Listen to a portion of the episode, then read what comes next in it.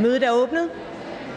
Det punkt, som er opført som nummer 1 på dagsordenen, det kan kun med Tingets samtykke behandles i dette møde.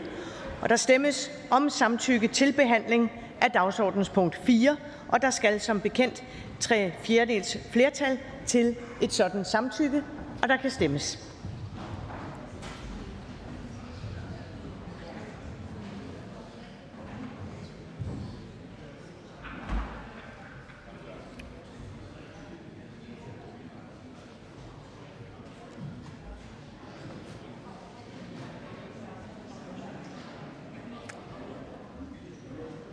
Afstemningen afsluttes. 82 stemte for, 18 stemte imod, ingen stemte hverken for eller imod. Og hermed er det vedtaget. Og så kan vi gå til det eneste punkt på dagsordenen, som er tredje behandling af lovforslag nummer L 240. Det er forslag til lov om fornyelse af overenskomster og aftaler for sygeplejersker af beskæftigelsesministeren. Der er ikke stillet ændringsforslag. Ønsker nogen at udtale sig? Det gør fru Maj Villadsen, Enhedslisten.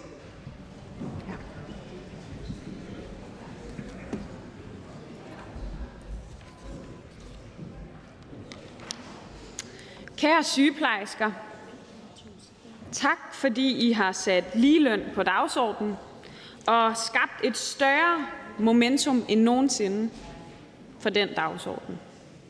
Tak fordi I har forsvaret vores sundhedsvæsen. Kære sosuer, rengøringsassistenter, jordmøder, fysioterapeuter, pædagoger, ergoterapeuter og mange, mange flere, I er mere værd. Der er ingen vinder i den her situation, sådan sagde beskæftigelsesminister Peter Hummelgaard på talerstolen her i går. Det kan jeg desværre give ham ret i. Der er kun tabere. Det ministeren glemte at sige, var, at det var ham selv og resten af regeringen, der med åbne øjne valgte, at det skulle være på den måde. Nu er taberne jo sygeplejerskerne og alle de andre offentligt ansatte, som ikke i denne omgang får ligeløn eller noget, der minder om. Men taberne risikerer jo også at være os alle sammen. For vi risikerer, at den her ligelønskrise udvikler sig til en velfærdskrise, hvor vi ikke kan tiltrække og fastholde dygtige ansatte i den offentlige sektor. Men ministeren og regeringen havde jo faktisk et valg. Den kunne have taget ansvar og påbegyndt en længe ventet løsning på ligeløns- og velfærdsproblemerne sammen med Enhedslisten, sammen med SF og Dansk Folkeparti, som har stået klar til at sætte penge af til en reel løsning i mange, mange uger. Vi har råbt og råbt, men I har været tavse som graven. Siden I i forgårs annoncerede jeres indgreb, har vi forsøgt at presse jer på møder, her i salen, på samråd, til at lade penge følge med den lønstrukturkomité, der nu kommer. Men ikke så meget som et lille tilsavn om, at der faktisk findes penge, hvis komiteen siger det, vi alle spår, at der mangler penge til ligeløn. Ikke et tilsavn har vi fået. Men penge, det skal der findes, kære regering. For ellers risikerer vi, at det her kan udvikle sig til en bombe under vores velfærdssamfund. Vi mangler jo allerede sygeplejersker, sosuer, jordmødre, og nu risikerer vi, at det problem bliver langt, langt større. Giv dog dem et tilsavn om, at der nok skal findes penge. Alternativet det vil blive langt, langt dyrere for os alle sammen. Jeg vil gerne slutte af med at sige til alle jer, der har strækket, lavet eller skrevet under på borgerforslag, kæmpet eller bakket op på sidelinjen, vinket for cykelstier, delt flyers ud, skrevet debatindlæg, delt jeres historier eller jeres lønsedler i offentligheden. Jeres kamp og engagement har været helt uvurderligt. I har sat kampen for ligeløn på dagsordenen og skabt større momentum end nogensinde. I har startet en bevægelse, som ikke kan stoppes med et hurtigt lovindgreb. Næste skridt er ikke at gå hjem, det er at fortsætte. Tak. Tak til ordføreren. Der ønsker man en kort bemærkning til hr. Alex Vanopslag, Liberal Alliance. Værsgo. Tak for det. Det er jo, øh, det er jo store ord, det her med, med en bombe under velfærdssamfundet og en potentiel velfærdskrise, vi står i. Men, men jeg vil egentlig gerne give fru, fru Maja Villadsen ret i, at, at selvfølgelig betyder højere løn noget i forhold til, til lysten til at arbejde, og også i forhold til at, at rekruttere og fastholde øh, og motivere øh, medarbejderne. Det betyder noget. Det, det gør det jo generelt i samfundet. Eksempelvis hvis nu kontanthjælpen er for høj, ja, så betyder det noget i forhold til motivation til at tage et arbejde. Og det håber jeg jo, at når enhedslisten kan se det med de offentlige ansatte, at man også kan se det på, på, øh, på andre områder. Jeg har tidligere i dag sagt, at det er en god idé at sænke skatten i bunden for alle, der går på arbejde, herunder også for, for, for sygeplejersker. Men det gælder sådan set også i toppen, og det vil jeg egentlig gerne høre, om, om enhedslisten er enig i, fordi der er jo tusindvis af sygeplejersker, der betaler topskat i dag. Der kommer til at være endnu flere sygeplejersker, der betaler topskat med den her overenskomst, og hvis man følger enhedslistens politik, så vil der være endnu flere sygeplejersker, der betaler topskat. Så jeg vil egentlig bare høre, er topskatten en bombe under det danske velfærdssamfund ifølge enhedslisten? Hvorfor? Nej, det mener jeg bestemt ikke, den er. Jeg synes faktisk, den er en forudsætning. Jeg synes, det er rigtig godt, at dem, der tjener mest, også er med til at bidrage mest til vores velfærdssamfund. I forhold til øh, hr. Vandopslags forslag om at, øh, at sænke skatten for, øh, i bunden, eller for dem, der tjener mest, det er vi jo sådan set op. Det opbakker vi jo i enhedslisten, har vi gjort i overvis. Vi mener så bare, at dem i toppen skal betale mere, og dermed finansiere det. For jeg er fuldstændig enig med hr. Jacob Mark i, at min frygt vil være, at nogle partier vil ønske at finansiere det ved at skære endnu mere i velfærden. Hos de mennesker med handicap, øh, normeringer og meget andet, som der blev nævnt tidligere fra den her talerstol. Det vil jeg ikke risikere. Og så vil jeg også lige sige en sidste ting i forhold til pointen. Det vi diskuterer, det er ligeløn. Ligegyldigt om du giver alle mennesker en million mere, så kommer det jo ikke til at rette op på lønskævhederne. Så derfor så skal der gives en særlig pulje til lav og lige, øh, til de fag, som er ramt på øh, ligelønsområdet. Hr. Vandopslag? Altså, det, det er jo ikke sådan, at man har svært ved at fastholde sygeplejersker, bare fordi folkeskolelærer får højere løn. Så, så, så når enhedslisten taler om, at vi har en velfærdskrise i forhold til at rekruttere og fastholde medarbejdere, så må det være fordi lønnen, den udbetalte løn, generelt er for lav. Men jeg synes, det er interessant i forhold til det, at vi måske godt kunne nå øh, til en enighed om, at de første 7.000 kroner, man tjener hver måned, skal være skattefrie. Hvis nu vi sætter sammen og, og ser på at finde finansiering alene på alt andet end kernevelfærd, det kunne være kolde hænder og byråkrati og, og, og spild af penge i den offentlige sektor, vil enhedslisten så egentlig være med til det? Eller skal pengene komme fra, fra højere skat et andet sted? Hvorfor? I enhedslisten kæmper vi for mere lighed i det her samfund. Derfor synes vi også, at det er øh, faktisk en pointe i sig selv, at dem, der øh, tjener mest, også bidrager mest til vores velfærdssamfund. Men vi er selvfølgelig også klar til at fjerne bøvl og byråkrati, som mange partier siger, øh, gang på gang på gang. Jeg vil dog betvivle, når jeg ser diverse økonomiske planer fra partier, at det kan findes i så stort et omfang. Men der er ingen tvivl om, at også sygeplejersker, som vi har diskuteret i månedsvis nu, er øh, hvad kan man sige, underlagt en hel masse bøvl og byråkrati, og det kan vi også gøre bedre, men de mangler også en retfærdig løn. Tak til fru Maja Villersen, Enhedslisten. Der er ikke flere korte bemærkninger til ordføreren. Næste ordfører er fra Dansk Folkeparti, og det er hr. Christian Tulsendal. Tak for det.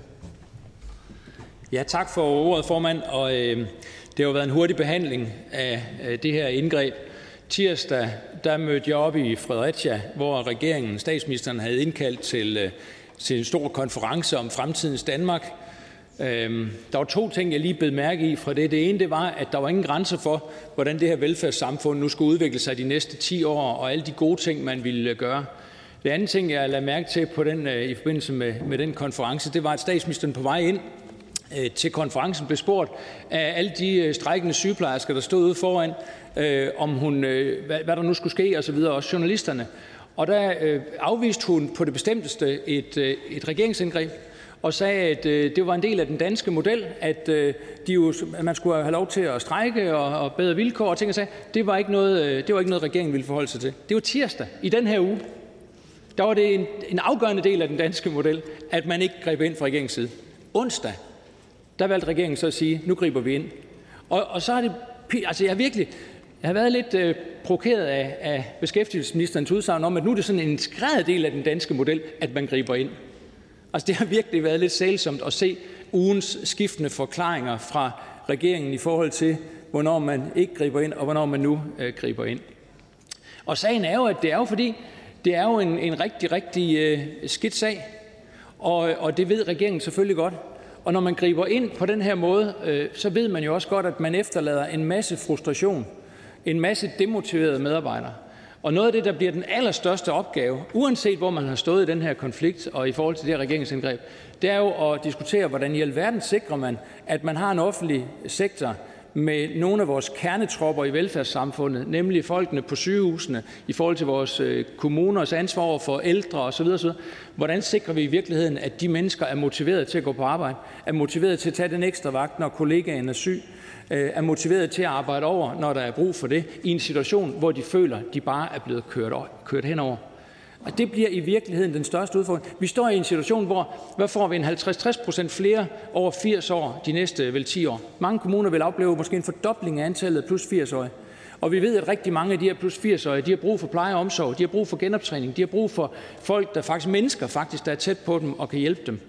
Og, og det bliver virkelig det her velfærdssamfunds en af vores kerneudfordringer de næste 10 år, det er at finde ud af, hvordan sikrer vi, at der er folk nok, der vil hjælpe de her mennesker. Hvor man ikke bare kan udskifte de her mennesker med robotter, mange af vores virksomheder er super, super dygtige og har også vist det her i coronatiden til at automatisere, til at øge deres konkurrenceevne ved, at de faktisk har fået, fået en masse øh, altså, ting og sager ind på virksomheden, der gør, at man har brug for færre folk. Det må vi jo sige, det er sådan, det er. Det gør jo konkur- virksomhederne konkurrencedygtige og gør, at vi kan holde produktionen her i Danmark. Det er jo sådan set meget godt. Men jeg tror, at de fleste af os kan godt se på nethinden, at ude på det plejehjem eller ude på det sygehus, der er det ikke sådan bare lige at sætte en robot ind og sige, klar lige det. Der er der altså behov for nogle mennesker, der hjælper mennesker. Og noget varme og noget omsorg. Og vi kalder det varme hænder og alle de her ting. Men det ved vi jo godt. Og hvordan skaffer vi folk nok til det? Det er i forvejen svært. Nu bliver det jo sværere med det her indgreb og den demotivation, som man lægger ned over en stor personalegruppe i vores, øh, i vores velfærdssamfund. Og der har regeringen altså virkelig en forpligtelse nu til, at de der flotte ord i tirsdags på den der regeringskonference for de næste 10 år rent faktisk kan blive til virkelighed med det, regeringen gør her. Og noget af det, der selvfølgelig bliver sådan det, den principielle debat, vi også bliver nødt til at have, vi har forsøgt at rejse det i forbindelse med vores ændringsforslag, det er jo, hvis vi har den ambition herinde i Folketinget, at der er nogle grupper i vores velfærdssamfund, som vi i realiteten ikke accepterer kan strække sig til bedre vilkår. Som jo ellers er en forudsætning i den danske model. Man kan strække sig til bedre vilkår. Arbejdsgiverne kan lockoute, men, men medarbejderne kan strække sig til bedre vilkår. Hvis vi ikke accepterer det, så må vi jo finde en anden model, hvor de mennesker føler sig hørt og respekteret. Så hvis vi siger, at ja, det ved vi jo godt med politibetjente og fængselsfunktionærer osv., vi vil jo nok ikke have, at alle fængslerne de lige pludselig bare lukker fangerne ud, fordi alle fængselsbetjentene siger, at nu gider vi ikke arbejde mere, vel?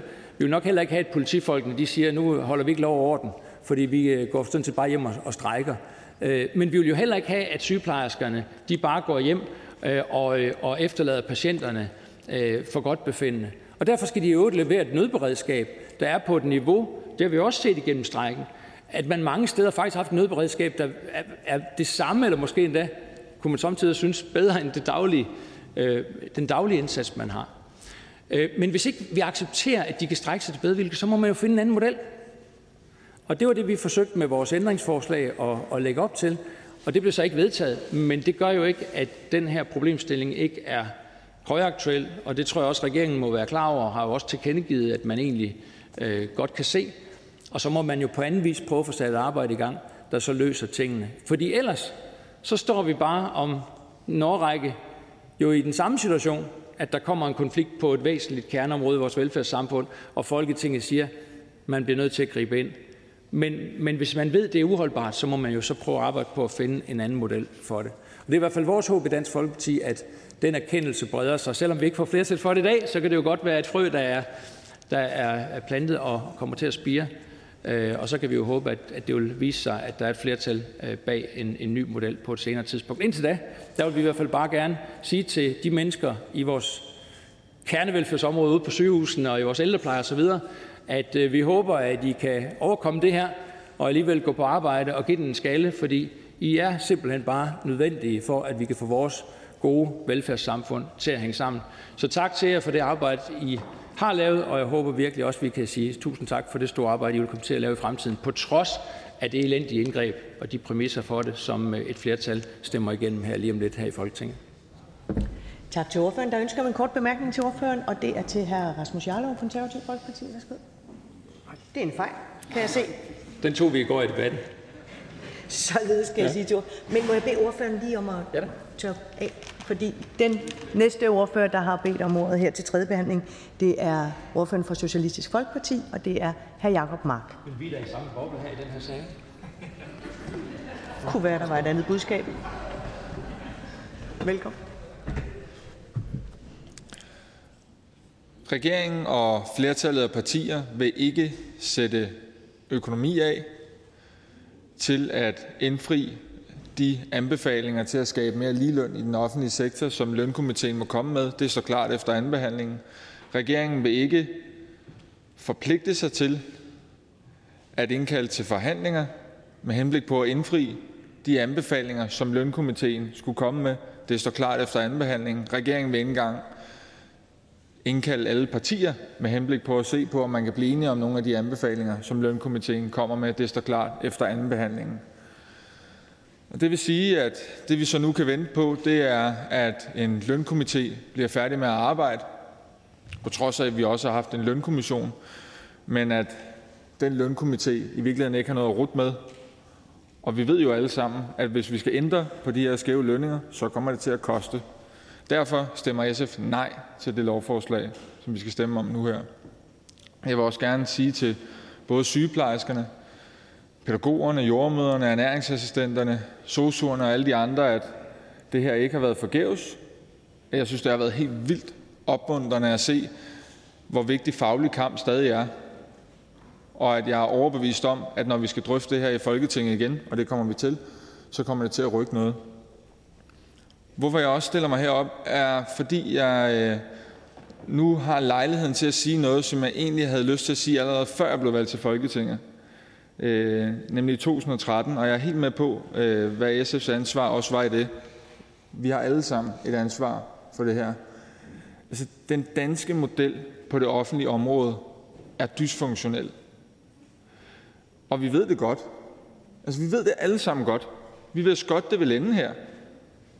Vi vidste det i 13, fordi der var en skolereform, der skulle finansieres, og det kunne ikke gøres, uden at konflikten endte på en bestemt måde. Man vidste det godt, og det var derfor, lærerne kaldte det aftalt spil. Vi vidste også godt den her gang, fordi det, som både sygeplejerskerne, men også pædagogerne og jordmøderne og alle de andre krævede, nemlig et opgør med en årtier lang urimelighed, det koster for mange penge til, at kommunerne og regionerne vil kunne løse det selv. Så, så det, var, det var givet på forhånd, at det ville ende sådan her. Den er også dysfunktionel, fordi modsat på det private område, så har arbejdsgiveren jo en urimelig fordel. Altså hvis en arbejdsgiver her vælger at lockoute de ansatte, ja, så kan der godt komme et offentligt pres, der med på. Men det er så også det eneste, der kan, fordi staten sparer penge ved det. Man har ikke engang forpligtet sig på, at de penge skal blive på det pågældende velfærdsområde. Så man kan ikke vinde som faggruppe. Og det er jo ikke rimeligt. Så bliver den danske model noget, vi leger. Så min opfordring herfra til regeringen skal være at gøre det, som både den nuværende statsminister og en tidligere statsminister Lars Løkke Rasmussen også sagde: Man er simpelthen nødt til at kigge på, hvorfor er den danske model den mest konfliktfyldte model, vi har i hele Skandinavien. Hvorfor ender overenskomstforhandlinger oftere sådan, som det har gjort her i vores land, end det gør for eksempel i Sverige og Norge? Og jeg er med på, at det ikke er simpelt, og jeg er med på, at det her det skal drøftes indgående med, med de mennesker, der sidder og forhandler derude.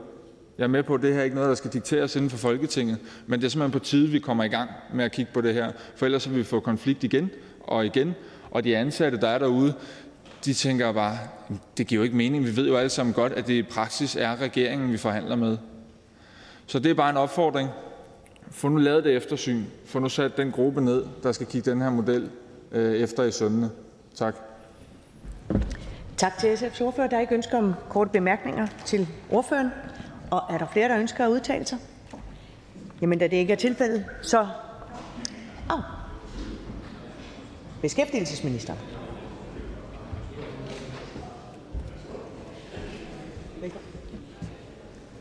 Tak for det. Det skal jo ikke hedde sig i en øh, så alvorlig situation, som det her også er, at øh, regeringen ikke tager det øh, alvorligt. Og som jeg flere gange har understreget i den her proces her, så øh, er vi jo helt oprigtigt ærgerlige over, at, øh, at det kommer hertil. Jeg har selv ment det hele vejen igennem den her konflikt her, at jeg anså det som værende alle politikers rolle at blande sig så meget udenom som overhovedet muligt, og at parterne måtte løse det selv. Men det er jo klart, at da det stod klart, både at der var en tiltagende omkostning for både patienter og vores sundhedsvæsen, som kun ville vokse i takt med strækkens udvidelse, og samtidig, og mest af alt i virkeligheden, at begge parter anså det for at være en fastlåst situation, så havde regeringen ikke noget andet valg end at forelægge for Folketingets partier at gribe ind i konflikten og bringe det til afslutning. Jeg deler til fulde de ord, som øh, Christian Tulsendal øh, siger her i forbindelse med tredje behandling, og jeg nævnte det også selv den anden dag, og vil gerne sige det igen, at vi har jo også i løbet af de her sidste ni uger hørt og forstået, og var jo i virkeligheden også allerede klar over for inden, at det her det handler om meget, meget mere end alene et lønspørgsmål. Det handler om, at mange sygeplejersker føler sig presset i deres arbejdsdag, arbejdsliv. Det handler om, at man oplever nogle steder, at man har et dårligt arbejdsmiljø. Og det handler også om det, som vi jo selv også gik til valg på at adressere, nemlig at der i en række år er blevet underinvesteret i vores sundhedsvæsen. Og alt det forpligter regeringen sig til at blive ved med at forsøge at rette op på og gøre videre. For vi er fuldstændig enige i, at de medarbejdere, vi har derude i vores velfærdssamfund, og som leverer omsorgen til vores ældre, til patienterne og alle de steder, hvor det er, at vi har et stærkt behov for det, at de er øh, essentielle for den service, der skal leveres. Der er to ting, jeg gerne vil anfægte, som ligesom bliver rejst under tredje behandlingen her. Det ene er øh, den sammenligning, som hr. Jacob Mark er inde på med lærerkonflikten. Altså, man kan ikke sammenligne under nogen omstændigheder denne her regerings ageren med det forløb, der var under lærerkonflikten. I denne her situation her har der været en helt legitim konflikt for en en ud af mange medarbejdergrupper i den offentlige sektor. En gruppe, hvor det er, at repræsentanterne for den gruppe i to omgange har forhandlet et resultat, som de også har anbefalet deres medlemmer at stemme ja til. Godt nok blevet nedstemt. Det er jo en del af processen, og det skal respekteres. Men det har været en legitim konflikt mellem to parter, hvor alle andre offentligt ansatte har haft stemt ja til deres overenskomster. Ved det her lovindgreb her ophøjer vi alene mailingskitsen til lov. Der bliver ikke taget noget fra medarbejdergruppen. Der bliver ikke ændret noget i det forhandlingsresultat, man selv har forhandlet hjem. Der vil også være lønstigninger på niveau med det, som alle andre offentligt ansatte, både pædagoger, socioassistenter og andre, har forhandlet hjem til sig selv. Det her indgreb kan ikke sammenlignes med lærerkonflikten. Det andet, jeg også gerne vil anfægte, eller om ikke andet øh, tillader at svare på, det er jo hr. Christian Tulsendal, der undrer sig over, hvordan kan regeringen sige den ene dag, at vi afviser et indgreb, og den næste dag så gør det. For det første, fordi vi hele vejen igennem har ment, stået på mål for, og jo også håbet på, at parterne på den ene eller den anden måde selv vil nå en forhandlet løsning, eller om ikke andet, at den ene part over for den anden vil strække våben, fordi det er jo også en del af den forhandlingsproces. Og derfor har vi ment hele vejen igennem, at vi vil meget nødigt gribe ind. Men det er jo også rigtigt, som hr. Christian Thulesen Dahl jo lidt grinede af, at det er jo også en del af den danske model i den yderste konsekvens, at det er Folketingets mulighed og opgave at gribe ind, hvis der er, at en konflikt kører så meget i hårdknude, at den er uløselig, og at den begynder at have tiltagende samfundsmæssige konsekvenser. Og det var så den konklusion, som vi igennem noget tid jo, jo afgjort hele tiden har fulgt med i overvejet, men som vi nåede til Øh, onsdag i den her uge, og i øvrigt også takker Folketingets partier for både at give mulighed for at hastebehandle det her lovforslag, men jo også at foretage det indgreb, som vi i hvert fald synes er vigtigt, for at tilstandene både i sundhedsvæsenet kan blive normale igen, og at alle parter kan komme videre. Men det er også, som jeg selv har understreget flere gange, der er ikke nogen vinder ved den her situation her. Det, regeringen vinder ikke noget. Øh, de offentlige kasser, vil jeg våge at påstå, vinder heller ikke noget, hvis man skulle sidde med den øh, konspiration. Arbejdsgiverne for sygeplejerskerne vinder slet ikke noget. Patienterne har i hvert fald heller ikke vundet. Og sygeplejerskerne har jo, i, i, øh, jo heller ikke vundet noget ved den strække her. Og derfor så er der en forpligtelse, som flere også nævner, i at vi selvfølgelig skal øh, skal komme videre i fællesskab. Og det er der jo nu lagt nogle spor ud til. Der er blevet rejst en vigtig diskussion om den danske, øh, den danske model på det offentlige område. Jeg meldte ud i går, at det er noget, vi tager alvorligt, og også vil indkalde parterne på det offentlige område til drøftelser af, hvor man i givet fald ser behov for justeringer. Nogle justeringer har den her regering jo allerede foretaget, efter, med, efter vi kom til i, øh, i 2019, men det vil vi jo gerne drøfte videre. Det andet er jo selvfølgelig den lønstrukturkomité, som Dansk Sygeplejeråd og regionerne på fælles opfordring fra resten af FH-fagbevægelsen selv har peget på som et vigtigt, vigtigt, vigtigt trædesten til at komme videre i den diskussion, der jo også ligger under det hele, og som jeg er enig i er vigtig, nemlig spørgsmålet omkring øh, lønforskelle, ikke bare i den offentlige sektor, men i det hele taget på vores, på vores arbejdsmarked. Så alt i alt, det her det er en på alle måder rigtig, rigtig ærgerlig situation, og jeg ved også, at det er en rigtig, rigtig svær beslutning for de partier, der om lidt medvirker til at aktivere et lovindgreb. Jeg brænder selv for den arbejdsmarkedsmodel, vi har i Danmark, og det er i sagens natur et nederlag, når en regering bliver tvunget til, og politikere bliver tvunget til at blande sig og gribe ind i en legitim konflikt. Men det er ikke desto mindre den samlede vurdering, at det var der, vi var nået til. Så igen, tak for Folketingets velvillighed til den her hastebehandling. Tak til flertallets velvillighed for at bidrage til, at vi kan løse denne her konflikt, som er gået i hårdknude. Og tak til ministeren. Til medlemmerne kan jeg sige, at vi har slukket afstemningsklappen, da der er en del korte bemærkninger til ministeren. Vi indkalder naturligvis til afstemninger, øh, sådan når vi vurderer, vi nærmer os afstemningstidspunktet. Men som nævnt øh, er der en række korte bemærkninger. Den første er til hvis medlemmer ønsker at forlade salen, så venligst øh, gør det meget, meget stille og roligt, eftersom debatten er i gang. Den første korte bemærkning er til fru Maj Villassen, Enhedslisten. Værsgo. Ministeren gentager jo igen og igen, også nu på talerstolen, at der ikke er nogen vinder i den her situation. Det er jeg enig i. Men det kunne have været anderledes. Man kunne som minimum fra regeringen have forpligtet sig på, at der faktisk følger penge med den lønstrukturkomité, hvis det viser sig, at den drager den konklusion, som vi har hørt år på år på år, at der ikke er ligeløn i det offentlige, og det skal der gøres noget ved. Så det savner jeg så uhyggeligt meget at høre fra regeringen. Og ministeren har jo en unik chance for faktisk at forpligte sig reelt på det, og ikke bare komme med flotte ord, som ærligt talt, frygter jeg, igen bare er varm luft.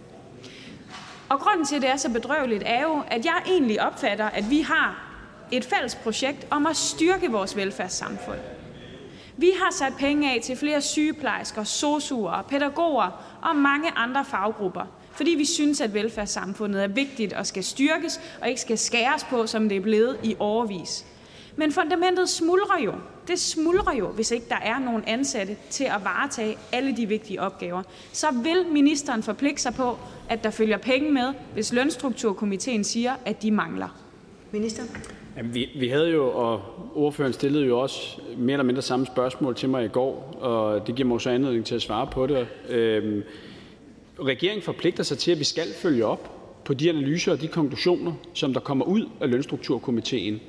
Men jeg, jeg tror også, at det er en for tidlig konklusion, dels at afsætte et bestemt beløb, når vi ikke kender, hvad er egentlig strukturernes udfordring i forhold til den manglende ligeløn. Men jeg tror også, man forregner sig, hvis man tror, at det alene kommer til at pege i retning af, at det er Christiansborg eller hvad kan man sige, det offentlige, der skal lægge penge oven i rammen. Det kan sagtens være, det bliver svaret, og vi afviser heller ikke at gøre det. Men de kommer også til at analysere, hvad er det for nogle krav, der bliver stillet fra bestemte grupper af offentligt ansatte? Hvilken måde stiller man kravene på? Er det nominelle lønstigninger, man går efter? Er det procentuelle lønstigninger, som har en tendens til primært at belønne de i forvejen højslønnede? Hvilket samspil er der i øvrigt, hvis man politisk skulle vælge at lægge nogle penge oven i rammen til reguleringsordningen, bliver reguleringsordningen så sat ud af kraft, og er det i de offentligt ansattes interesse? Og det er jo alle de mange spørgsmål i forening, som vi mener og er enige med både Dansk Sygeplejeråd og Fagbevægelsens Hovedorganisation skal belyses og analyseres og så pege på nogle videre skridt. Fru Maja Villadsen. Altså, jeg undrer mig såre, når medlemmer af regeringen og Socialdemokratiet nu pludselig synes, at der skal belyses, analyseres, kortlægges igen og igen og igen, når man jo fra selv samme parti tilbage i 2008 konkluderede, at der er behov for penge centralt fra. Alternativet er jo at omfordele inden for rammen, og så må man jo lægge til grund, at øh, regeringen synes, at øh, politibetjente, lærere og andre øjensynligt skal have mindre i løn. Det mener vi i hvert fald ikke i enhedslisten. Og derfor savner jeg virkelig en tilkendegivelse fra ministeren om, hvis der peges på fra parterne, fra lønstrukturkomiteen, at der mangler penge, vil man så levere herfra. Minister. Men fru Maja Villersen, altså rammen er jo defineret af blandt andet, hvordan lønudviklingen også er på det private arbejdsmarked. Grundlæggende har den mekanisme tjent alle de offentligt ansatte rigtig, rigtig godt igennem alle de år, hvor den har eksisteret. Og der, jeg synes, det er rigtig, rigtig vigtigt, at man politisk holder tungen lige i munden, det er, at hvis man foreslår, at der skal lægges ekstra penge på forhånd, inden man kender strukturerne og konsekvenserne under neden i den ramme, og det så betyder, at reguleringsordningen og den mekanisme bortfalder, så skal man jo være sikker på, at det ikke kommer til at tjene ugunst for de offentlige ansatte på den lange bane. Og jeg kan ikke svare på de spørgsmål. Det er det, vi skal have lønstrukturkomiteen til. Næste kort bemærkning er til hr. Christian Tulsendal, Dansk Folkeparti. Værsgo. Tak til ministeren for at både tage ordet og også øh, kommentere noget af det, jeg sagde i mit øh, indlæg her i dag. Øh, jeg vil lige tage fat i det, ministeren siger om, at en del af den danske model er det her med, at man jo også kan gribe ind fra Folketingets side, og så siger ministeren, når det er i yderste konsekvens, altså når det, ellers, altså det er den yderste konsekvens, det er så, at Folketinget griber ind. Jeg kunne egentlig godt tænke mig at få ministerens øh, vurdering af, altså, eller, eller beskrivelse af, hvad det er, der gør, at man mener, man står i den situation lige nu. Altså, øh, der er masser af danskere, der jo desværre har måttet øh, få udsat deres behandlinger osv., men hvad er det lige præcis, der gør, at regeringen er nået frem til, at definitionen på, at man nu er ved yderste konsekvens i den danske model, der gør, at Folketinget bliver nødt til, vi har så samfundskritisk nu, at, at Folketinget bliver nødt til at gribe ind. Fordi det er, jo, det er jo i virkeligheden en definition, som man jo også vil kunne øh, bruge i andre sammenhænge, når der i givet fald på et fremtidigt tidspunkt måtte være strækker, øh, som påvirker, øh, ud, altså hvordan det foregår i den offentlige sektor. Minister? Jamen, altså for det første, så beror det jo altid på en konkret vurdering, øh, og der er jo ikke nogen konflikt, der ligner hinanden. Det, der har lagt til grund for min vurdering i den her sag her, er jo flere forhold. For det første, vi har at gøre med den længste konflikt, fru Jette Gottlieb øh, hun øh, oplyste mig tidligere om, siden BT-strækken i 70'erne, med alle forbehold for, at jeg ikke ved, om der skal have været en i mellemtiden, der har været længere, så tror jeg på fru Jette Gottlieb. Det andet forhold er jo selvfølgelig, at parterne selv, og herunder den strækkende part, har sagt, vi tror, det er udsigtsløst, vi har brug for, at Christiansborg gør noget. Og det tredje er jo selvfølgelig også en sammenligning til den konflikt, der var i 2008, som jo nåede var otte uger, før det var, at den strækkende part så selv gik tilbage til forhandlingsbordet og slækkede på nogle af sine krav, og der endte med at være en aftale. Nu er vi et sted, hvor vi kan se, at det vil ikke komme til at ske, samtidig med selvfølgelig også de vurderinger, der er blevet lagt til grund for Sundhedsstyrelsen, med hvordan at udskudte operationer og aftaler oven på det, der i forvejen har været fra, fra coronatiden, og med de udvidelser, som er planlagt, at, at det samlet set har øh, givet mig i hvert fald konklusionen, at der ikke var andet for end at bede Folketinget om at øh, gribe ind. Hr. Christian Tulsendal. Tak for svaret. Hvis vi lige tager dem, altså den længste konflikt, men det, der er tale om her, det er jo med det nødberedskab, som jo også ligger i den måde, det er foregået på. Øh, så har der været områder, der i virkeligheden har haft svært ved overhovedet konflikte, fordi nødberedskabet har skulle være der. Så, så det har jo også noget at gøre med, hvor lang en altså, sammenligning med, med andre konflikter, hvor man ikke har et lignende nødberedskab. Det er måske lidt, øh, lidt pusset. Ikke? Det andet det er det der med parterne selv. Jamen parterne har vel selv på mange måder i tale sat, at de ikke troede, de kunne nå en, en aftale for lang tid siden. Det er jo ikke noget nyt. Jeg ved godt, der har været et spil med, hvor man lige har haft parterne inde og fået det konfirmeret, men det er noget, vi andre i hvert fald har hørt ganske længe. Og så vil jeg bare sige i forhold til Sundhedsstyrelsen, nu skal jeg gøre det hurtigt, men altså det der med antallet, det, det, jeg vil godt tænke mig, at ministeren lige siger, Jamen, har han nu mulighed for at fortælle Folketinget, hvor mange udskudte behandlinger vi i virkeligheden taler om, der gør, at det her det nu er nået et samfundskritisk niveau? Minister. Altså det sidste er jeg ikke i stand til at svare øh, entydigt på, og det, der i væsentlighed har været lagt til grund, udover at det er jo klart, at det går ud over patienter, det har det jo gjort hele vejen igennem, men der har også været en sommerferie, som i forvejen har haft droslet aktiviteten ned i sundhedsvæsenet, og den aktivitet er nu stigende, og derfor vil det tiltagende blive en større udfordring. Men det væsentligste argument er jo selvfølgelig udsigtsløsheden til, at der kan nås en forhandlet løsning. Og vi har oprigtigt haft håbet på, at parterne kunne finde hinanden i den her situation her. Så peger Christian Tusinddal jo på, på noget rigtigt, og som jeg også synes, og jeg håber, han, han oplever, at jeg svarede på i min indledning, nemlig, at vi er sådan set villige til, sammen med parterne på det offentlige område, at diskutere, om der er behov for justeringer. Næste kort bemærkning er til hr. Jakob Mark, Socialistisk Folkeparti. Værsgo. Ministeren sagde, at den her konflikt ikke er at sammenligne med lærerkonflikten. Og jeg øh, deler opfattelsen af, at det er to fuldstændig forskellige konflikter.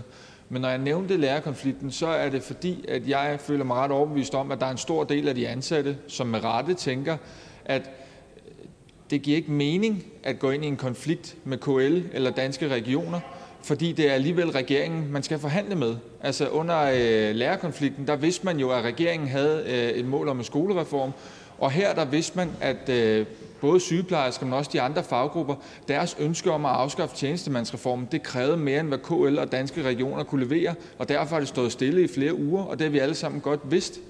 Øh, samtidig så er der det her problem, hr. Christian Thulesen Dahl nævner om, at man reelt ikke kan strække. Samtidig er der det her problem om, at øh, staten tjener penge, når, den, øh, når man lockouter de ansatte. Altså, så det er jo en unfair kamp. Det er det, jeg mener. Og nu siger ministeren, at det anerkender regeringen faktisk, man skal se på. Men hvad betyder det? Betyder det, at man laver en arbejdsgruppe? Betyder, hvornår går man i gang? Hvad skal man ende ud med? Hvad er endemålet? Minister. Jamen, jeg, jeg ønsker ikke, vil ikke og skal ikke blande mig i, hvordan at den ene eller den anden part i en forhandlingssituation tilrettelægger sin forhandlingsstrategi. Men, men det, der jo har været særligt ved denne her situation, har jo været, at alle grupper på det offentlige arbejdsmarked har haft forhandlet resultater hjem, og at deres medlemmer i meget, meget vidt omfang har stemt ja til de overenskomster. Og jeg har stor respekt for, at sygeplejerskerne ikke gjorde det, og på den baggrund så valgte at gå i konflikt. Men det har jo selvfølgelig også haft en indvirkning i, hvordan at konflikten har haft udviklet sig. Og jeg er heller ikke enig med hr. Jacob Mark i, at hvis det fører til konflikt i den offentlige sektor, at det så ikke fører nogen steder. Altså i 2018 var det jo tæt på at føre til konflikt, og det betød jo blandt andet, også fordi at alle lønmodtagergrupperne stod sammen om de samme krav, som var klart defineret, at man i vid udstrækning også fik opfyldt en række af de krav. Måske har en af udfordringerne denne her gang også været, at der har været nogle kampagner, som har peget på en tjenestemandsreform, som man med Jacob, Jacob Marks ord ikke kan afskaffe, fordi den har ikke nogen retsvirkning. Hr. Jacob Mark. Men de store, mere grundlæggende ændringer, dem kan de ansatte jo ikke forhandle frem med KL og danske regioner, uden at regeringen blåstempler det. Altså det er jo derfor, det er jo sådan lidt en pseudomodel. Og, og det er jo også derfor, at vi har et langt højere konfliktniveau i Danmark end de andre skandinaviske lande. Det ved vi jo godt. Og derfor er jeg også glad for, at regeringen nu, nu vil, vil kigge på det her. Men, men jeg kunne virkelig godt tænke mig et svar fra ministeren. Hvad er endemålet? Altså, hvornår kan vi forvente, at vi skal diskutere det her med, om der er brug for ændringer? Øh, hvad er det for et type eftersyn? Kan ministeren ikke folde nogle af de idéer ud? Minister. Jo, altså et helt konkret svar er, som jeg også tror, jeg har fået sagt til en af aviserne, at vi kommer til at invitere parterne på det offentlige område til drøftelser af, hvor og hvordan der i givet fald kan justeres i, øh, i øh, overenskomstmodellen på det offentlige område. Den næste kort bemærkning er til hr. Peder Velblom, Enhedslisten. Værsgo. Tak for det, og tak for, til ministeren for at tage ordet i den her debat. Øh, at du starter ministeren med at sige, at, at øh, udsigterne til en, forhandlingsløs, øh, til en forhandlet løsning, de var, de var udsigtsløse. Det må man jo bare konstatere, det bærer regeringen jo altså også øh, selv en del af ansvaret for, fordi øh, man kunne jo netop have givet muligheden for, at danske regioner gennem Finansministeriet havde fået muligheden for at lægge øh, for eksempel en forslag til en lavt løns ligelønspulje på bordet, som kunne forhandles mellem parterne, øh, og som jo muligvis skulle være med til at bringe øh, sygeplejerskerne ind til forhandlingsbordet igen. Men det, jeg godt vil spørge ministeren efter, det er, fordi ministeren siger, at det er alvorligt, når man skal lave sådan en indgreb her. Det er jeg fuldstændig enig i, og derfor så er det også klart, øh, at det er helt afgørende, at man er syle, spids og skarp i sin argumentation. Og noget af det, som regeringen har brugt som argumentation, har jo netop været puklen af udsatte behandlinger og operationer. Og der vil jeg bare høre, om ministeren kan bekræfte, at der fra danske regioner kom nogle andre tal end dem, som regeringen har fremlagt i tirsdags, og som blev brugt som argumentation for det. Og om regeringen i øvrigt har gjort sig nogle betragtninger om, hvad det her det kommer til at få som konsekvens for udsatte operationer og behandlinger, når vi kommer til at stå i en situation, hvor det bliver sværere at rekruttere og fastholde personale, og hvor det kan blive sværere at få dem til at tage imod overarbejde. Minister? Jamen, flere ting til det, som jeg Peter Velblund øh, siger. Det er, jo, det er jo sagt i al tænke respekt for de forhandlende parter. Men for det første, altså hvis, hvis Folketinget i den her situation her havde besluttet sig for at gå ind og lægge flere penge til en medarbejdergruppe i den offentlige sektor, altså ud over den aftalte ramme, og som alle var med til at forhandle om, så havde det jo været at, med jeg tror nogle medlemmers ord, at trumle socioassistenterne eller pædagogerne eller alle de andre, som har forhandlet løsninger og i øvrigt stemt ja til.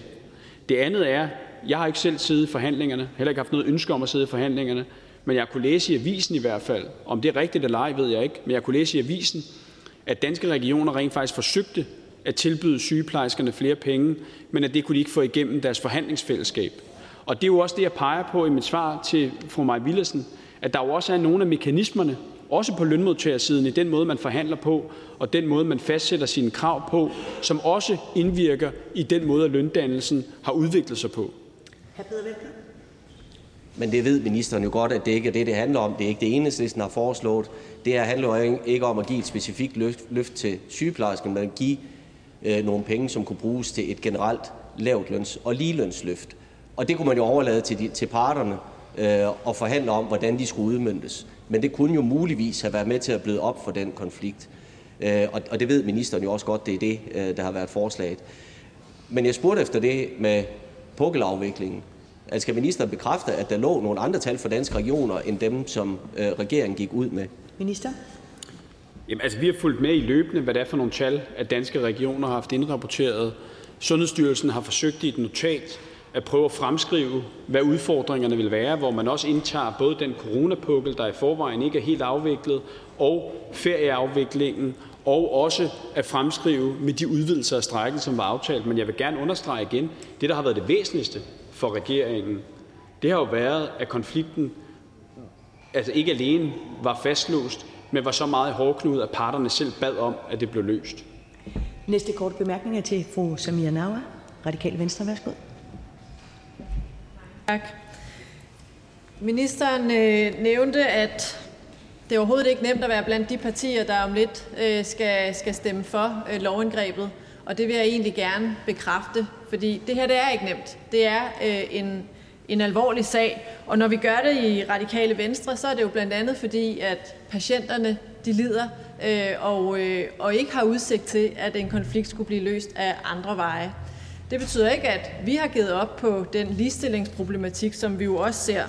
Og jeg er enig med ministeren i, at lønstrukturkomiteen den må undersøge i flere retninger, og konklusionerne kan pege på, at flere parter må byde ind med noget. Og derfor, øh, det som vi jo foreslår fra Radikale Venstre side, det er, at det på ryggen af lønstrukturkomiteen, hvor der bliver indkaldt til nogle trepartsdrøftelser, hvor alle parter bringer noget til bordet. Og jeg kunne godt tænke mig at høre ministeren øh, måske uddybe, hvad det er, han tænker, hvad regeringen tænker med øh, at forpligte sig på lønstrukturkomiteen, når nu den skal tages alvorligt. Minister? Jamen, tak for det spørgsmål, og, øh, og endnu en gang også tak til de radikale for at øh, også velvidende, at det er meget, meget svært, det her, og at det ikke har været noget, at nogen har, øh, har haft øh, et, øh, et ønske om at medvirke.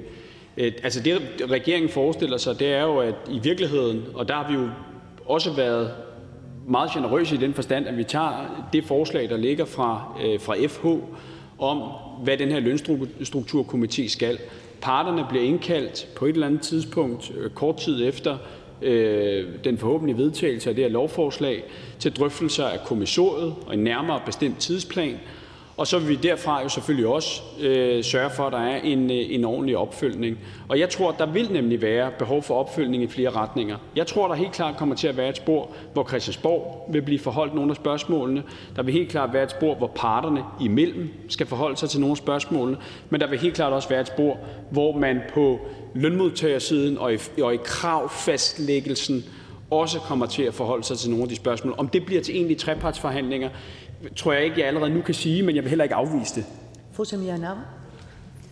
Tak for, øh, for den tilkendegivelse, fordi jeg, men, jeg, jeg bemærker sådan set, at, at regeringen måske også har rykket sig lidt her i forhold til, når vi tidligere har haft diskussionen omkring øh, ligelønsproblematikken. Der kommer i hvert fald øh, flere tilkendegivelser om, at, øh, at her er der altså noget, der forpligter, og, øh, og herfra vil jeg bare sige, at det holder vi i hvert fald også regeringen op på, fordi vi mener øh, det her er alvorligt, og, og det vi gør i dag, det handler om en, en konkret øh, konflikt, øh, der, skal, der skal løses, men det andet spørgsmål, det kommer vi i hvert fald også til at forfølge. Minister? Jamen det, det er jeg selvfølgelig heller ikke et sekund i tvivl om, at de radikale gør. Og det glæder vi os til at have videre dialog om. Næste kort bemærkning er til hr. Jens Rode, Kristendemokraterne. Værsgo. Tak for det. Jeg synes, det er stærkt, at ministeren stiller sig på øh, talerstolen her. Jeg synes, ministeren holdt en stærk tale, og jeg tror på hvert et ord. Øh, også på den gode vilje. Øh, jeg synes også, der har været et øh, sådan lidt øh, unfair rate mod regeringen og øh, ministeren i øh, hele debatten her og i går og også øh, i dag. For jeg har jo faktisk lidt svært ved at se, at regeringen skal kunne gøre andet end det, den gør med de analyser, den bringer til torvs, og de analyser, den har. Og normalt er det jo sådan, at man ikke gør andet end at ophøje et mælingsforslag til lov, når der er en indgribende konflikt. Det er en del af den danske model. Hvorfor stemmer vi så ikke for her? Ja, det har ikke noget med, at vi ikke har tillid til regeringen og deres intentioner, men det er jo tilliden til os herinde, samlet set, som vi ønsker at tage et livtag med, fordi vi har diskuteret det her i årvis. Altså, nu har jeg været her i 20 år aktiv i dansk politik, og øh, de her diskussioner er ikke nye. Vi har ikke fået dem adresseret øh, ordentligt. Så det skal jeg bare sige til ministerens øh, øh, ros, at det her det er ikke et øh, udtryk for, at vi ikke har tillid til regeringens manglende vilje. Men jeg kunne godt tænke mig at vide, hvad det betyder, at parterne, der stemmer for, får forelagt kommissoriet om lønstrukturkomiteen. Minister. Det, for det første, øh, tak for, øh, for de ord. Øh, også øh, øh, tak for, at hr. Jens Rode kan høre, at, øh, og at, at regeringen ingen som helst hverken interesse har haft i eller intention om øh, at skulle blande sig øh, i den her konflikt ind til et punkt, hvor det var tydeligt at se, at nu kunne man heller ikke lade være med at gøre det. Og det er ganske rigtigt, som hr. Jens Rode fremhæver, så er den rigtige måde at gøre det på, så også at tage den mælingsskitse, som i øvrigt begge parter har anbefalet, at man indgik en aftale på, på baggrund af. Altså den formulering skal jo primært ses i lyset af, at øh, udgangspunktet er, og det er også det, som er en del af processen, parterne skal selv aftale kommissoriet, men at de partier, der selvfølgelig har været med til os at tage ansvar for, at lovforslaget blev taget igennem, får selvfølgelig lov til at se det. Men det, der er regeringens klare udgangspunkt, det er, at, øh, at det er parterne, der skriver og definerer kommissoriet, og at vi tager det til efterretning. Hr. Jens Rode. Men det er jo derfor, det er, sådan, er jo sådan lidt et mærkeligt hold kæft bolsje at give til de partier, som så vælger at støtte øh, øh, forslaget her. Fordi jeg går jo ud fra, at samtlige partier i Folketinget vil få kendskab til kommissoriet. Altså få det forelagt på et eller andet tidspunkt. Hvis ikke man får indflydelse på det alligevel, altså, så hvad, hvad, hvad skal det så til for? Kan ministeren ikke bare sige her fra talerstolen, at samtlige partier i Folketinget får selvfølgelig forelagt det kommissorium, som parterne vælger at skrive, da ingen af os jo får indflydelse på det alligevel? Minister? Det er fuldstændig rigtigt, at alle partier i Folketinget kommer selvfølgelig til at se det kommissorium. Når vi har skrevet og sagt, at de partier, der også stemmer for lovforslaget, får det forelagt, så er det selvfølgelig fordi, at de også er med til at blive orienteret på et tidligere tidspunkt end alle andre, og det synes vi er en rimelig øh, hvad kan man sige, anerkendelse af det, de svære beslutninger, som vi ved alle har været igennem i forhold til at stemme det her lovforslag igennem. Den næste korte bemærkning er til fru Jette Gottlieb, Enhedslisten. Værsgo. Ministeren spurgte mig, hvordan det var med lange konflikter. Han spurgte kun til 70'erne. Han glemmer, at øh, typografer og socialrådgivere blev grillet i 81. Han glemmer den store, store konflikt i 85. Man skal også huske, at vi for relativt nylig i 92 havde gærkonflikten, hvor der alle tilfælde blev socialdemokratisk indgreb i, reger- i øh, konflikten. Det her er den specielle situation, fordi sygeplejerskerne har stemt i en højere tjeneste. De har stemt for at få sat ligelønsspørgsmålet på dagsordenen. Og hvis regeringen ikke erkender, at der er en stærk modstrid mellem ønsket om at løse ligelønsproblemet, som ministeren giver udtryk for, og så udviljen, uviljen til at sige, at der skal naturligvis penge på bordet, så siger han jo med andre ord, at lige netop alle de andre faggrupper skal bløde for 100 års forsømmelser, for det er længe før øh, man indførte tjenestemandsreformen, at det startede med den ulige løn. Så siger han, at så skal netop politifolkene, øh, øh, lærerne, alle de andre, de skal trække penge op af lommen. Det er derfor, vi siger, at det er nødvendigt, at ministeren erkender, at der skal penge til herfra. Ellers så kommer der ikke en løsning på ligelønsspørgsmålet. Minister? Jeg, jeg synes, fru Jette Gottlieb, øh, ud over øh, historietimen, den er jo altid glad for, øh, kendt godt de historier i forvejen, men det er altid en fornøjelse at få Jette Gottliebs også øh, sådan aktive erindringer fra nogle af de øh, konflikter, der har været igennem tiden. Så synes jeg også, at hun lægger mig ord i munden, fordi det er jo faktisk ikke det, jeg siger. Men jeg siger, at man er jo nødt til at få belyst det. Altså hvis en del af lønudviklingen, som har ført til skævheder, også handler om, og det bliver jo altså med al respekt jo også fremhævet af en række medarbejdergrupper i den offentlige sektor, selvfølgelig FOAs medlemmer som, som de mest højlytte, at der er en, øh, øh, en, en, en uretfærdig andel af kagen, der tilfalder dem, der i forvejen er højst lønnet, når det er, at man lønner i procenter frem for en nominelle lønstigninger. Altså, det, det mener jeg der klart skal være en del af den lønstrukturkomités opgave at se på det forhold, fordi det har da også en betydning, hvordan den meget store kage, som der alt andet lige er en del af forhandlingsrammen, at den fordeler sig hver tredje, fjerde år, når der, der bliver forhandlet nye overenskomster. Fru Jette Gottlieb? Nu kender jeg jo rækkefølgen af ministerens argumenter. De kommer i en bestemt rækkefølge, hver gang vi kommer med spørgsmålet. Men det vi siger er, at i denne her situation var der en anden vej. Fordi hvis man på forhånd kunne sige, at der var penge på bordet til at løse problemerne, så sagde vi jo ikke, at det skulle løses i morgen, men vi var overbeviste om, at det ville få forhandlingsparterne tilbage til bordet. Og det er den mulighed, ministeren har forsømt, og det er dermed det er sket, at det er blevet statsautoriseret, at det først starter om tre år. Og det er det, vi synes er utåleligt. Fordi Minister. om tre år er problemet endnu større. Minister.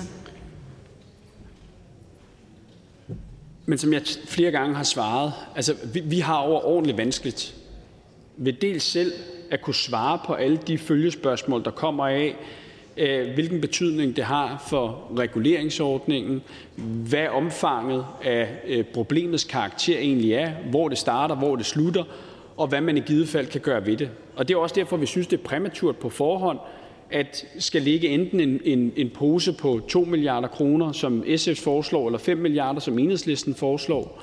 Altså fordi uanset hvordan man vinder at dreje det, så vil der være mange grupper, der siger, at de penge er heller ikke nok. Altså, så derfor er vores klare svar, lad os nu få den lønstrukturkomité, som en enig fagbevægelse i øvrigt peger på, til at lave det til arbejde og komme med nogle anbefalinger til sig selv og til Christiansborg. Tak til ministeren. Næste korte bemærkning er til fru Victoria Velasquez, Enhedslisten. Værsgo. Tak for det. Og tak fordi ministeren øh, holder talen og giver mulighed for, at vi kan følge op og stille spørgsmål. Øhm, altså jeg bliver simpelthen nødt til at anfægte, at ministeren siger, at regeringen ikke har haft noget valg. Og jeg synes, der kommer flere og flere eksempler frem, at selvfølgelig har regeringen et valg. Derudover har vi også set tidligere eksempler på, på den ene på den anden måde, at regeringer har gjort forskellige ting, når de har lavet et lovindgreb. Vi har også set eksempel på i 1998, at man i et lovindgreb faktisk kom med forbedringer. Det, jeg godt kan være bange for, det er, at om tre år, hvis det er, at komiteen er færdig med arbejdet på det tidspunkt og kommer med anbefalingerne, at vi ikke kommer videre. At det er tomme intentioner og varm luft. Og nu siger ministeren, at der er jo ikke nogen, der har vundet noget. Nej, men man kunne faktisk godt blive i tvivl om det her udtryk for, at Socialdemokratiet er nogle kujoner. Fordi man vil åbenbart hellere svigte sygeplejerskerne, sosuerne, pædagogerne, den lavtlønnede fængselsbetjent og mange andre, end måske at genere dem, man skulle finde finansieringen hos, eller dem, som på en eller anden måde ville blive berørt af finansieringen. Så hvorfor er det, at man ikke vil sørge for, at der er en finansiering, så lige så snart anbefalingerne er klar, så kan man handle på det? Minister? Altså, jeg, jeg skal hilse at sige, Øh, og det tror jeg i øvrigt også gælder andre socialdemokratiske regeringer, der har været tvunget ind i situationer, man, hvor man var nødt til at gribe ind i legitime arbejdskonflikter, at der ingenlunde er noget kujonagtigt ved, når man er nået til det tidspunkt, hvor man føler sig nødsaget til at træffe den beslutning. I virkeligheden tværtimod. Og jeg kunne sagtens her stå og både fabulere og spekulere i, hvad der i øvrigt kan kendetegne kujonagtige handlinger, men det vil jeg undlade. Jeg synes, det væsentlige her i den her situation, det er, at der over to omgange og i den sidste aftale af den 18. maj ligger en mælingsskitse, som sygeplejerskernes organisation selv har nikket ja til. Det valgte medlemmerne at forkaste. Det har vi haft respekt for. De har nu strækket i op mod 10 uger. Den længste arbejdskonflikt siden en gang i 70'erne. Begge parter beder om, herunder sygeplejerskerne selv, om, at det bliver løst af andre end dem selv. Og det gør vi jo så ved at ophøje den mælingsskitse til lov, som indeholder også lønstigninger samlet set for 1,1 milliarder kroner til sygeplejerskerne. Det, jeg er blevet oplyst, er, at det nogenlunde svarer til i gennemsnit 2.000 kroner per medarbejder. Jeg har respekt for, at man ikke synes, det er nok, men det er det samme, som sosuerne og pædagogerne og andre har fået i den her omgang. Tak til ministeren. Fru Victoria Velasquez, anden bemærkning. Det er da ikke modigt at stemme et mailingsskitse, som sygeplejerskerne har stemt imod to gange, at gøre den til lov. Det er da ikke modigt ikke at vil sikre et opgør mod uligeløn. Det vil være modigt at sige, nu griber vi faktisk chancen. Nu gør vi det saftsusme. Vi sikrer et opgør med konsekvenserne af tjenestemandsreformen. Vi starter opgøret mod uligeløn. Det vil være modigt. Det andet, det synes jeg simpelthen ikke er modigt. Regeringen har stadig mulighed for at kunne indkalde til forhandlinger og sige, vi vil gerne sørge for, at økonomien den er der, så vi er klar på at handle, når det er, anbefalingerne kommer. På alle mulige andre områder har vi da ikke brug for at gennemanalysere alt muligt. Det gør vi ikke med Arne. På alle mulige andre områder har vi ikke gjort det. Står op, så er det fordi taletiden er langt overskrevet, og jeg er et meget, meget tålmodigt menneske en gang imellem, men ikke længere. Værsgo, ministeren. Jeg vil gerne, jeg vil gerne gentage igen, også så fru Victoria Velasquez har hørt det. Altså, regeringen er klar over og forpligter sig også til, at der skal være en opfølgning på lønstrukturkomiteen. Den lønstrukturkomité, som en enig fagbevægelse og Sygeplejerådet selv i øvrigt har peget på som en trædesten videre. Og det andet er, en del af det, der jo også har været med til at mudre den her debat, har jo været, at der har været meget snak om, jeg er ikke et sekund i tvivl om, at selvfølgelig er der nogle strukturelle forhold, der har gjort, at lønforskellene er, som de er. Tjenestemandsreformen kan sagtens være en af dem, men det kan ikke lade sig gøre at ophæve en reform fra 1969, som ikke længere eksisterer.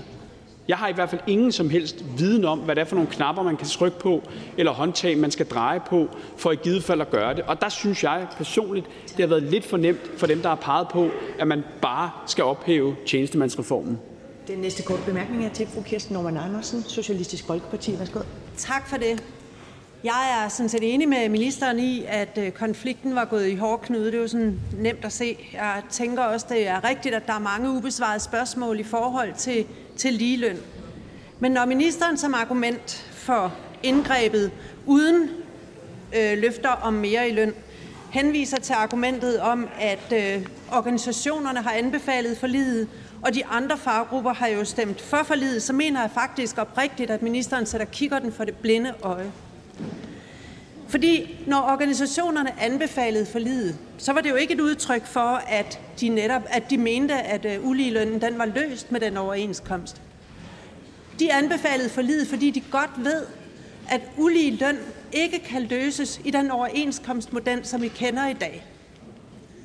Så synes ministeren i virkeligheden ikke, at... Øh, altså, jeg, nej, jeg vil bare spørge, er ministeren enig i, at ulige løn, som sygeplejerskerne har strækket for, ikke kan løses i en overenskomst, og at det kan være forklaringen for, at der var rigtig mange andre, som stemte for deres overenskomst og ikke var i strække? Eller mener ministeren, at alle de andre faggrupper også skal i strække for at overbevise ministeren om, at vi har altså et problem med ulige løn, som ikke kan løses i overenskomstforhandlingerne? Minister? Nej, det mener jeg ikke, for jeg har noteret mig, at øh, en, en, en helt enig fagbevægelse peger på et lønstrukturkomité med de spørgsmål, der er rejst der, som et svar og som en trædesten til at komme videre. Og jeg har jo også noteret mig ved almindelig avislæsning, at der ikke har været enighed om, om hvorvidt det var klogt at kaste sig ud i en strække med det større og, og tror jeg, helt rigtige formål, som fru Kirsten Normand beskriver. Det skal jeg ikke blande mig i. Det er ikke regeringens opgave at blande sig i. Men det har jeg noteret mig har været en del af diskussionen, både før øh, øh, onsdag og også efter onsdag. Og det er jo også derfor, regeringen siger, at vi tager den her lønstrukturkomité alvorligt. Vi vil gerne have belyst de her ting her, og vi vil øvrigt også gerne have nogle bud på, hvad er det, der kan gøres i de forskellige forer, hvor man har muligheden for at gøre noget. Fru Kirsten Norman Andersen. Men både sygeplejerskerne og de andre organisationer er jo enige om, at der er nødt til at skal følge penge med, hvis det er sådan, at man skal løse problemet med ulige løn. Så når ministeren står på talerstolen og beklager sig over, at de partier, der nu stemmer for det her forslag, som ikke indeholder penge, at hvor hårdt det er, så er der altså nogen, der har stået derude tirsdag efter tirsdag, det var der, de stod der, øh, så det kan være, at ministeren slet ikke har mødt dem. Tirsdag efter tirsdag stod de ude på Slotspladsen og netop appellerede til, at man vil afsætte penge for de reguleringsordninger og alt muligt andet er årsag til, at man netop ikke kan løse det i overenskomstforhandlingerne. Og ministeren vil ikke engang i forhold til det her forslag anerkende, bare anerkende, at der skal penge til. Ikke noget med beløb, men bare penge til, som måske kunne have gjort det til et fælles forslag. Minister? Jamen, for det første skal jeg sige til fru Kirsten Norman, øh, jeg og regeringen beklager sig ikke. Altså, vi er ærgerlige, og det er i sagens natur ærgerligt, når det er, at der er konflikt på det danske arbejdsmarked. Det er en naturlig del af løndannelsen og af øh, uenigheder bliver løst gennem konflikter, men det er jo altid ærgerligt, når det er, at en regering er tvunget til at gribe ind i en legitim konflikt. Så jeg står ikke og beklager mig, men jeg udtrykker ærgerlighed. Derudover så øh, vil jeg bare gentage, altså vi afviser ikke nogen som helst skridt, der kan tages, men det vigtige er jo, at vi har et klart billede af, hvad det er for nogle dynamikker og nogle forudsætninger, som det er, der har været med til at skabe de forskelle, som der bliver talt om. Tak. Den næste kort bemærkning er til hr. Christian Juhl, Enhedslisten. Værsgo. Tak for det. Jeg har en bog liggende derhjemme, der hedder Den syge kapitalisme, som er skrevet af en, en fyr, der hedder Peter Hummelgaard. Der ligger der mange visionære tanker i, men øh, det er ligesom om, at den er blevet smidt ud over i Beskæftigelsesministeriet. Regeringen må gerne give en hjælpende hånd til den her konflikt, har mange sagt. Men der er ingen, absolut ingen, der har bedt regeringen om at jokke hælen i øjet på øh, sygeplejerskerne og vride dem rundt. Der er ingen, der har bedt regeringen om at tømme deres kasser og sætte passiv og kigge på den her konflikt. Jeg vil godt tænke mig at stille et ganske enkelt spørgsmål. Hvad synes ministeren, regeringen har brugt de 10 uger til her, udover at tømme kasserne hos sygeplejerskerne? Der er ikke kommet et forslag, som er brugbart til at løse demokratisk en konflikt. Der er kommet et forslag til at diktere, at, at, at, at sygeplejerskerne skal følge det, regeringen mener er det rigtige grundlag. Det har ikke meget med demokrati at gøre. Jamen for det første vil jeg sige øh, tak til Christian Juhl for, at han har øh, min bog liggende derhjemme. Jeg er glad for, at han har læst den. Jeg synes, han skal læse den en gang til, fordi der er jo rent faktisk uhyre mange af både de analyser og forslag, som er i den bog, som den her regering er i gang med at indfri. Men en af de vigtigste ting, der står i den bog også, er jo, hvad det er for en grundlæggende arbejdsmetode, efter min mening, jeg også tror skaber de største forandringer, det har jo aldrig været revolutioner, som andre tror på. Det har jo været det, som Günter Grass beskrev som sneglens vandring. Det andet, jeg vil sige, det er, og det tror jeg også godt, at hr. Christian Juhl ved, det er jo ikke en regeringsopgave at agere mæler i en arbejdskonflikt mellem to parter. Det er forlisinstitutionens. Og forlisinstitutionen var inde og mæle mellem de to parter og lavede en mælingsskitse den 18. maj, og det er den mæglingsskitse nu, vi kan se, at konflikten har kørt i 10 uger, og der ikke er udsigt til en ny forhandlingsløsning, at vi ophøjer med lov. Vi har ikke trådt nogen hæl i øjet på nogen medarbejdergruppe her. Tværtimod har vi givet fuld mulighed og fuld lov til at tage den legitime konflikt, der er mellem to parter på arbejdsmarkedet. Tak. Inden jeg giver hr. Christian Juhl ordet til en anden bemærkning, så skal jeg bede alle øvrige medlemmer, som ikke har fået ordet, om at være stille i salen, således så vi kan lytte til debatten. Værsgo til hr. Christian Juhl for en anden bemærkning. Tak for det. Jeg råber ikke på nogen revolution. Jo, inden for, øh, inden for lønsystemet skal der ske en grundlæggende forandring, og det er det samme som en revolution. Det er det samme ord i mit kapularium. Jeg vil godt sige, så har jeg læst bogen forkert. Jeg troede, det vigtigste bidrag var, at et arbejderparti skal fremme den holdning, der er, at det nytter at kæmpe for forbedringer, for et bedre samfund, for et mere retfærdigt samfund, for mere lige samfund. Hvis ikke det er Arbejderpartiets rolle, hvad er det så, herr Hummelgaard, undskyld, herr minister? Fordi så har jeg misforstået rollen. Så skal vi bare administrere kapitalismen, og dermed sige, nå ja, men det går jo godt nok, som det går, og så må sygeplejerskerne finde sig i det. Minister. Konfliktvåbnet er jo en vigtig, vigtig del af enhver forhandling på arbejdsmarkedet. Men det er en regeringsopgave i videst mulig omfang ikke at blande sig i parternes legitime konflikter i en forhandlingssituation. Og det er jo det, den her regering har gjort. Og vi har gjort det i op mod 10 uger. Og vi er nået til et sted, hvor det er, at begge parter, herunder den strækkende part selv, bad om at få det afsluttet. Og det er jo så det, vi har lyttet til, og det gjorde vi konkret ved, at jeg havde parterne inde til et møde i onsdags, hvor jeg spurgte dem, tror I overhovedet på, under nogle omstændigheder, der kan forhandles en løsning? Det svarede de nej til. Og så var der jo ikke andet end at tage det, der rent faktisk var blevet mailet om.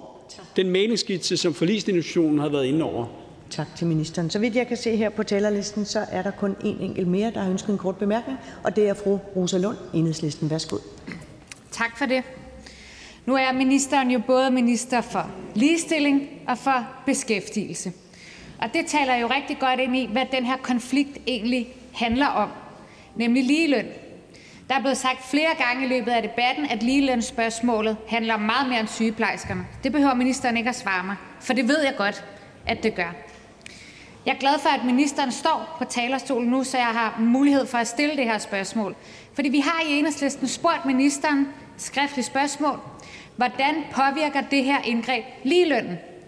Er det her et fremskridt for ligelønnen? Kommer vi tættere på ligeløn mellem de kvindedominerede og de mandedominerede fag med det her indgreb? Eller kommer vi længere fra det? Vi har ikke rigtig fået et svar, vi kan bruge til noget i det spørgsmål, vi har stillet. Så nu spørger jeg ministeren nu, hvad gør det her indgreb for ligelønnen? Ministeren? Jamen det her, det her, det her indgreb, det ophøjer den meningsskitse til lov, som der blev indgået den 18. maj, og som giver sygeplejerskerne en lønstigning på lidt over 5 procent. Det, der svarer til, er jeg blevet oplyst i hvert fald, i gennemsnit 2.000 kroner per sygeplejerske. Det har jeg fuld respekt for, at man som medarbejdergruppe sagtens kan mene på det her tidspunkt ikke er nok. Og det er derfor, man har taget en konflikt. Jeg tror ikke, man entydigt kan svare på, om det her det gør noget ved, ved ligelønnen eller uligelønnen. Jeg tror, det mest realistiske svar er, at det, gør, det rokker nok ikke noget, hverken i den ene eller den anden retning. Fordi uligelønnen, som vi jo anerkender, er en udfordring, har mange forskellige faktorer. Noget af det er jo direkte lønnen mellem mandefag og kvindefag. Noget af det mellem mænd og kvinder generelt. Vi ved, at der i gennemsnit er en lønforskel på 14 procent. Noget af det handler om, at mænd tager markant mindre barsel end kvinder. Alle de ting skal vi jo adresseret, og der, hvor vi også skal adresseret lønudviklingen i den offentlige sektor, det er i den lønstrukturkomité, som fagbevægelsen i øvrigt selv har peget på som en meget, meget vigtig del af løsningen. Regeringen, regeringen anerkender, at der er et ligelønsproblem. Mm. Regeringen vil også gerne gøre noget ved det. Hvorfor laver man så et indgreb, der som ministerens egne ord ikke rokker noget som helst ved problematikken? I står med en mulighed nu for at gøre noget ved ligelønsproblemet. Der er et flertal for at sætte penge af til det her, hvis bare regeringen vil være med. Så hvorfor, herre ligestillingsminister, vil I ikke gøre noget ved det problem? Hvorfor vil I ikke bruge jeres flertal? Minister. For det første, at som en del af et indgreb, at Folketinget skulle beslutte at give en part på arbejdsmarkedet markant højere del af lønposen, ville, være, ville på alle tænkelige måder være et kæmpe, kæmpe brud med den måde, at politikere og Folketing blander sig uden om arbejdskonflikter på.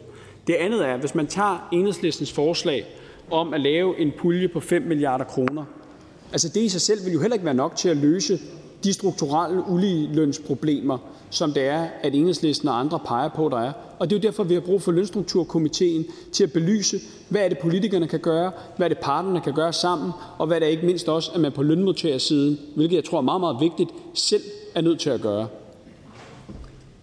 Tak til beskæftigelsesministeren og ligestillingsministeren. Der er ikke flere korte bemærkninger til ministeren.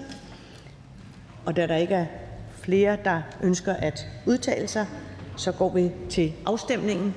Og der stemmes om lovforslagets endelige vedtagelse. Der kan stemmes. Og afstemningen afsluttes. 71 stemte for, 30 stemte imod, ingen stemte hverken for eller imod. Lovforslaget er vedtaget og vil nu blive sendt til statsministeren. Og så er der ikke mere at foretage i dette møde. Folketingets næste møde det afholdes torsdag den 9. september kl. 9. Jeg henviser til den dagsorden, der vil fremgå af Folketingets hjemmeside. Tusind tak for den stillhed, der er, når man lige giver en afsluttende meddelelse. Mm-hmm. Men jeg vil henvise til den ugeplan, som fremgår af Folketingets hjemmeside. Mødet er hævet.